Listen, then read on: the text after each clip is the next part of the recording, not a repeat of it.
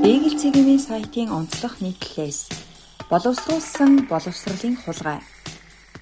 20 дугаар зууны ихэнх хагаст Монголын сар болсон оюун санааны удирдагчдыг хуулиар дайсан болгож толгой дараалан өгөө хийсэн ч 1926 онд Герман Францад сургахаар явуулсан 43 залуу их нутагтаа иргэн татагдж хилмигдэн зовсон ч тэдний эзэмшсэн мэрэгжил эрдэн боловсрал өөрсдийн шин цагийн сэхэтнүүд болгож салбар салбартаа хийсэн бүтээсэн нь дараагийн 50 жилийн турш монголчуудыг чиржээ. Их зохиолч Нацаг Дорж, Намдаг, Ардын зураач Намхай цэрэн, Пагамд улмаас эхлээд бүгд л урлаг соёл, шинжлэх ухаанд өөрсдийн ул мөрөө тад үлдээсэн.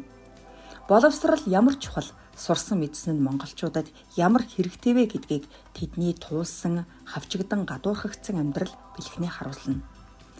Тэднийг өнөөгийнх шиг эцэг эхийн эрх мэдэл албан тушаалаар сонгосонгүй хамгийн авхаалчтай, бичиг үсэг тайлагдсан суралцах чадвараар нь шилж сонгожээ. Энэ сонголтонд их жанжин Сүхбаатарын хүү Гасан, Хижээнгүү сайд Цэрэн доржийн хүү Юндан нартаа өрсөлдөн ялснаар сонгогдсон тухайга Монгол улсын төрийн шагнат профессор Цэнд хожим хуучилсан байдаг. Бараг 100 жилийн өмнө хүний эрхэнд байхтаач монголчууд боловсралд ингэж л хандаж байж өөрийн эрхэнд жаргасан өнөө цагт харин хэрхэв.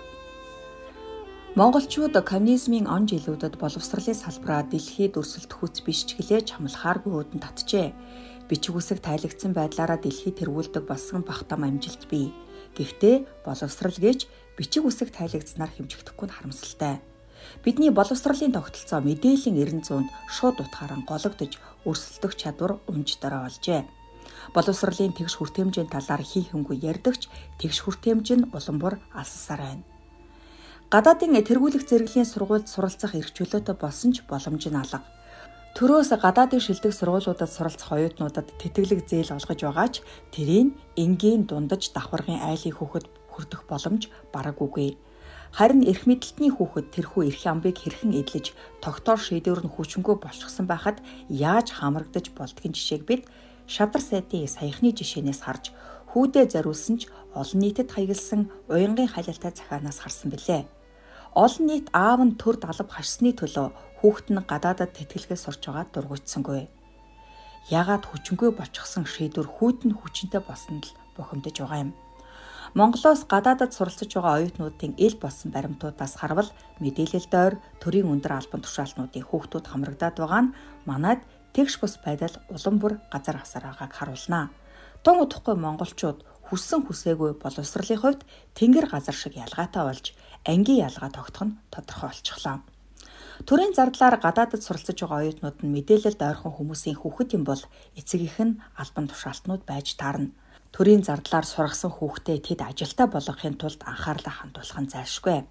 Боловсролын сайд асан Баатар бэлэг үүнийг гардан гүйцэтгэхээр хуулийн төсөл санаачилжээ. Автор нь болсон түүний санаачилсан төрийн албаны тухай хуульд нэмэлт өөрчлөлт оруулах хуулийн төслийн 23-ын 7-д энд хуульд заасан төрийн жинхэнэ албаны ерөнхий шалгалтанд тэнцсэн дээд боловсролын санхүүжилт суралцагчдын нийгмийн баталгааны тухай хуулийн 8-ын 7-д заасан журмаар тодорхойлсон дэлхийн шилдэг их сургуулиа төгссөн иргэнд энэ хуулийн 23-ын 2 заасан ажилсан жилийг тогтоосон тусгай шаардлага хамаарахгүй гэдэг өөрчлөлтийг тусгажээ. Өөрөөр хэлбэл төрийн мөнгөөр суралцаад ирсэн хүүхдүүдээ төрийн албанд ажилласан туршлагаас нь үл хамааран шууд албан тушаал томилох боломжийг бүрдүүлнэ гэсэн үг.